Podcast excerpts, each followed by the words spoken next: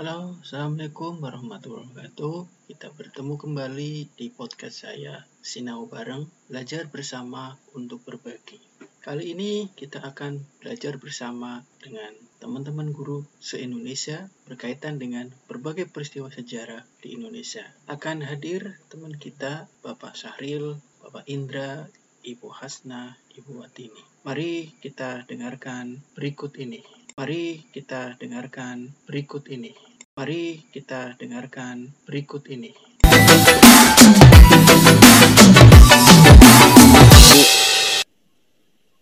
Mungkin Iya, tadi kami ngomong itu apa? Hubungan sejarah kerajaan Goa dengan Pagaruyung ya Pak Saril. Iya, cuma belum ketemu sumbernya. Goa dengan Pagaruyung, Bu. Iya, karena Iya, saya kata pernah Pak nonton- Saril. Iya, saya pernah nonton satu Ad- televisi, televisi dulu. Itu jadi orang-orang yang tidak setuju dengan perjanjian Umayyah itu 1667 Hmm. termasuk Laksamana Karenggalesong itu itu kan Karenggalesong itu di sejarah tidak disebutkan cuma di di YouTube apa ada bahwa dia adalah anak ada a- anak dari Sultan Hasanuddin istri keempat Hmm.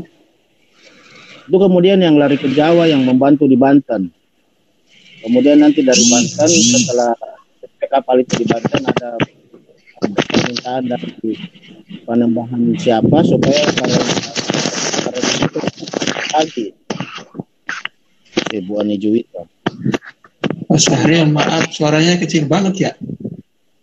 oh maaf Pak maaf, maaf. jadi eh, sudah besar Pak Udah, udah, udah. Iya, jadi armada Karenggalesong itu kemudian dibagi.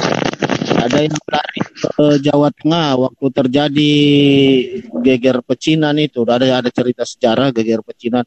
Itu yang membantu kelak nanti Pangeran Diponegoro. Jadi pasukan-pasukan ter- yang tersisa itu setelah Karenggalesong sekarang kan kuburannya ada di di Nganteng eh, Malang sana. Pusara tak bernama. Berarti masa Belanda, Pak ya? Eh, 16 ya? Iya, masa 1600. Bela- Ya, Belanda. 16 1667 ya, 1667. 1667, 1669 sampai Oh, iya, 1670 itu Belanda. sampai nanti keturunan yang berikutnya yang tinggal di Jawa itu yang dari Sulawesi Sulawesi dari dari Bima itu mereka semua tinggal di eh, Jawa akhirnya nanti dia bantu Pangeran Diponegoro itu dalam perang Jawa itu yang 1825 sampai 1830. Hmm. Ibu Aninya menurut menurut Us, eh, Iya. Ustadz Ustadz Salim Ustadz Salim Salim Empila Hmm. Jadi Pangeran Diponegoro itu dibesarkan sama bibinya Pange siapa Putri Tejawati kah? Itu keturunan eh, Bima Makassar yang kawin dengan Mangkubumi itu. Makanya Pangeran Diponegoro lihat dalam berkuda. Karena diajari sama bibinya itu berkuda karena eh, perempuan-perempuan di Nusa Tenggara Barat di NTB itu itu mereka berkuda sambil pakai serimpi, Bu. Hmm. Ya jadi kan Pangeran Diponegoro itu memang sangat lihai dalam menunggang kuda ya kan. Iya, betul. Sampai kudanya itu iya kudanya itu bisa lompat tembok itu. Hmm. itu memang dibina sama bibinya yang ahli berkuda dari kecil karena diajak dia adalah eh, apa putri raja dari kerajaan eh, Bima sana begitu itu kaitannya Goa, kan eh, Kesultanan, Pak ya? Kesultanan semua itu ya? Iya kan peng- perang di Penigoro ini yang membuat eh, Belanda sebenarnya kapok kan Hmm. sampai dekok ya de- siapa yang pimpinannya itu kan sampai eh, kalau kita analisa sejarah seandainya Belanda tidak melakukan eh, negosiasi seandainya antara Pangeran Tuanku Imam Bonjol dengan Pangeran Diponegoro itu tidak itu berlangsung bersamaan mungkin cerita sejarah kan lain Iya. mungkin saat itu Belanda juga akan menyerah cuma Belanda berhasil menghentikan ya gencatan gencatan senjata dengan Tuanku Imam Bonjol itu pasti perang jauh karena ini memang perang yang terbesar perang Diponegoro ini memang perang yang terbesar Hmm. lima tahun kemudian di tengah wabah kolera yang merajalela itu makanya profesor siapa yang waktu kita muktamar apa eh, itu. Peter Kere mengatakan perang Jawa ya itu benar karena eh, banyak perang tapi tidak didukung oleh semua lapisan Pangeran Diponegoro ini didukung sama semua lapisan masyarakat yang ada di Jawa saat itu dan seluruh pulau Jawa yang mendukung dia Hmm. makanya disebut perang Jawa seperti itu itu di Pangeran Diponegoro. Itu menurut saya mungkin dari ibu lain. Ya, Bu Hasna sih malah keluar Bu Hasna tadi sumber ya. Iya. Ya, itu dia sebenarnya kan ketika menghadapi itu sedang ini juga padri juga itu Pak. Iya betul bu. Iya makanya saya katakan tadi seandainya seandainya Belanda tidak mengadakan adu domba atau gencatan senjata dengan Imam Bonjol dan kompadri itu yang memimpin kompadri pasti situasi sejarah kan berbicara lain. Hmm. Kalau kita analisa kasus itu.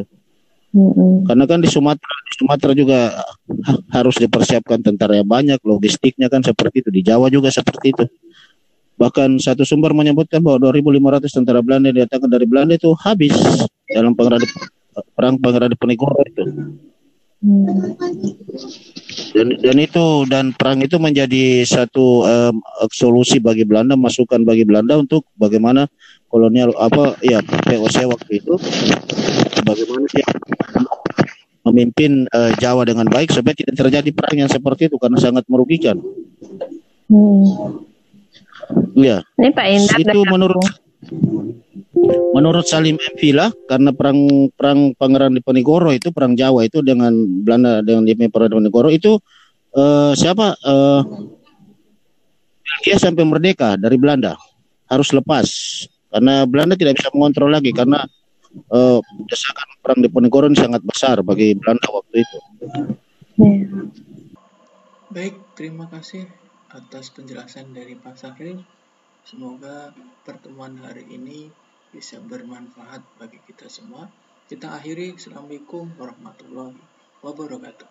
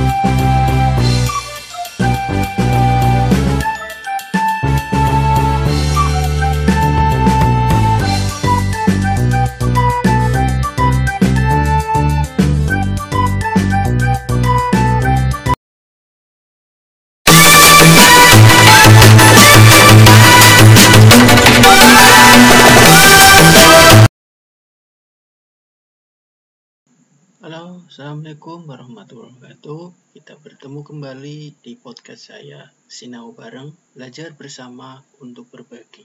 Kali ini kita akan belajar bersama dengan teman-teman guru se-Indonesia berkaitan dengan berbagai peristiwa sejarah di Indonesia. Akan hadir teman kita, Bapak Sahril, Bapak Indra, Ibu Hasna, Ibu Watini. Mari kita dengarkan berikut ini. Mari kita dengarkan berikut ini. Mari kita dengarkan berikut ini.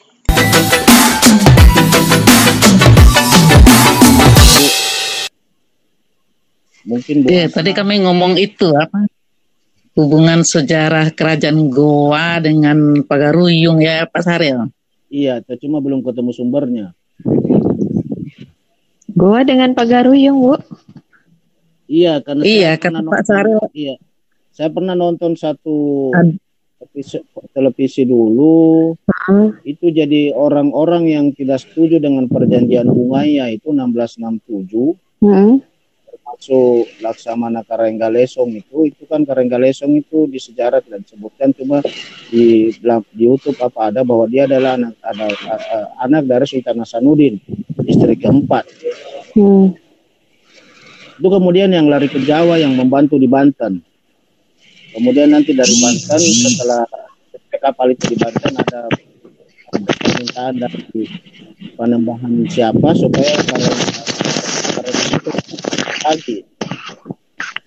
Ibu Ani Juwita. Mas Syahril, maaf suaranya kecil banget ya. Oh, maaf Pak, maaf. maaf. Jadi uh, sudah besar Pak? Udah, udah. udah. Iya, jadi armada Karanggalesong itu kemudian dibagi. Ada yang lari ke Jawa Tengah waktu terjadi geger pecinan itu. Ada ada cerita sejarah geger pecinan. Itu yang membantu kelak nanti Pangeran Diponegoro. Jadi Hmm. pasukan-pasukan ter- yang tersisa itu setelah Karanggalesong sekarang kan kuburannya ada di di Nganteng eh, Malang sana. Pusara tak bernama. Berarti masa Belanda Pak ya? Eh 16 ya? Iya, masa 16. Bela- Belanda. Ya 16 1667 ya 1667. 1667 1669 sampai Oh iya, 1670 itu Belanda. sampai nanti keturunan yang berikutnya yang tinggal di Jawa itu yang dari Sulawesi Sulawesi dari dari Bima itu mereka semua tinggal di eh, Jawa akhirnya nanti dia bantu Pangeran Diponegoro itu dalam perang Jawa itu yang 1825 sampai 1830. Mm-mm. Bahkan Ibu Aninya menurut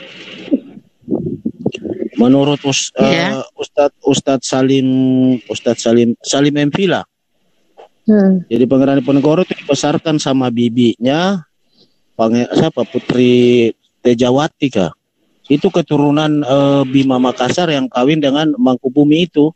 Makanya Pangeran Diponegoro lihat dalam berkuda.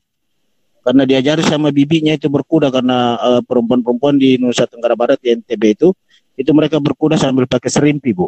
Mm-mm. Ya, jadi kan Pangeran Diponegoro itu memang sangat lihai dalam menunggang kuda ya kan. Iya betul. Sampai kudanya tuh iya kudanya tuh bisa lompat tembok itu. Hmm. itu memang dibina sama bibinya yang ahli berkuda dari kecil karena diajak dia adalah eh, apa putri raja dari kerajaan eh, Bima sana begitu itu kaitannya Wah, Kan, eh, Kesultanan Pak ya? Kesultanan semua itu ya?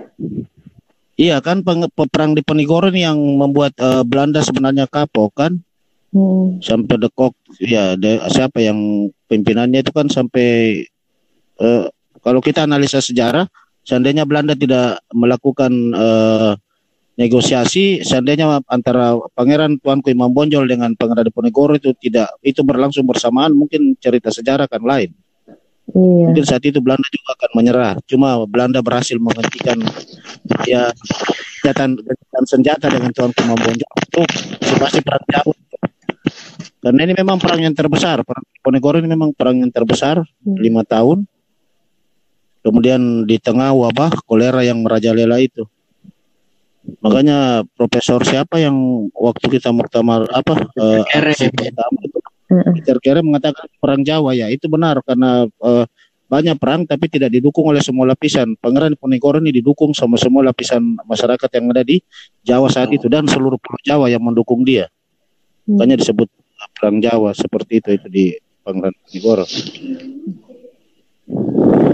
itu menurut saya mungkin dari ibu lain. Ya, Bu Hasna sih malah keluar. Bu Hasna tadi Sumbar, Sumbar ya? iya. I- Itu dia sebenarnya kan ketika menghadapi itu sedang ini juga padri juga itu Pak. Iya betul bu. Iya makanya saya katakan tadi se- seandainya se- seandainya Belanda tidak mengadakan adu domba atau gencatan senjata dengan Imam Bonjol dan kompadri itu yang memimpin kompadri pasti situasi sejarah kan berbicara lain. Mm-mm. Kalau kita analisa kasus itu. Mm-mm. Karena kan di Sumatera di Sumatera juga ha- harus dipersiapkan tentara yang banyak, logistiknya kan seperti itu. Di Jawa juga seperti itu. Bahkan satu sumber menyebutkan bahwa 2.500 tentara Belanda yang datangkan dari Belanda itu habis dalam perang pengeraan Diponegoro itu. Dan dan itu dan perang itu menjadi satu em, solusi bagi Belanda masukan bagi Belanda untuk bagaimana kolonial apa ya POC waktu itu bagaimana dia memimpin eh, Jawa dengan baik supaya tidak terjadi perang yang seperti itu karena sangat merugikan. Hmm. Iya, Ini Pak Indra itu menurut menurut Salim M. Villa karena perang perang Pangeran Diponegoro itu perang Jawa itu dengan Belanda dengan Diponegoro itu uh, siapa uh, Belgia sampai merdeka dari Belanda harus lepas karena Belanda tidak bisa mengontrol lagi karena uh, desakan perang Diponegoro sangat besar bagi Belanda waktu itu. Yeah. Baik, terima kasih atas penjelasan dari Pak Sahril. Semoga pertemuan hari ini bisa bermanfaat bagi kita semua. Kita akhiri. Assalamualaikum warahmatullahi wabarakatuh.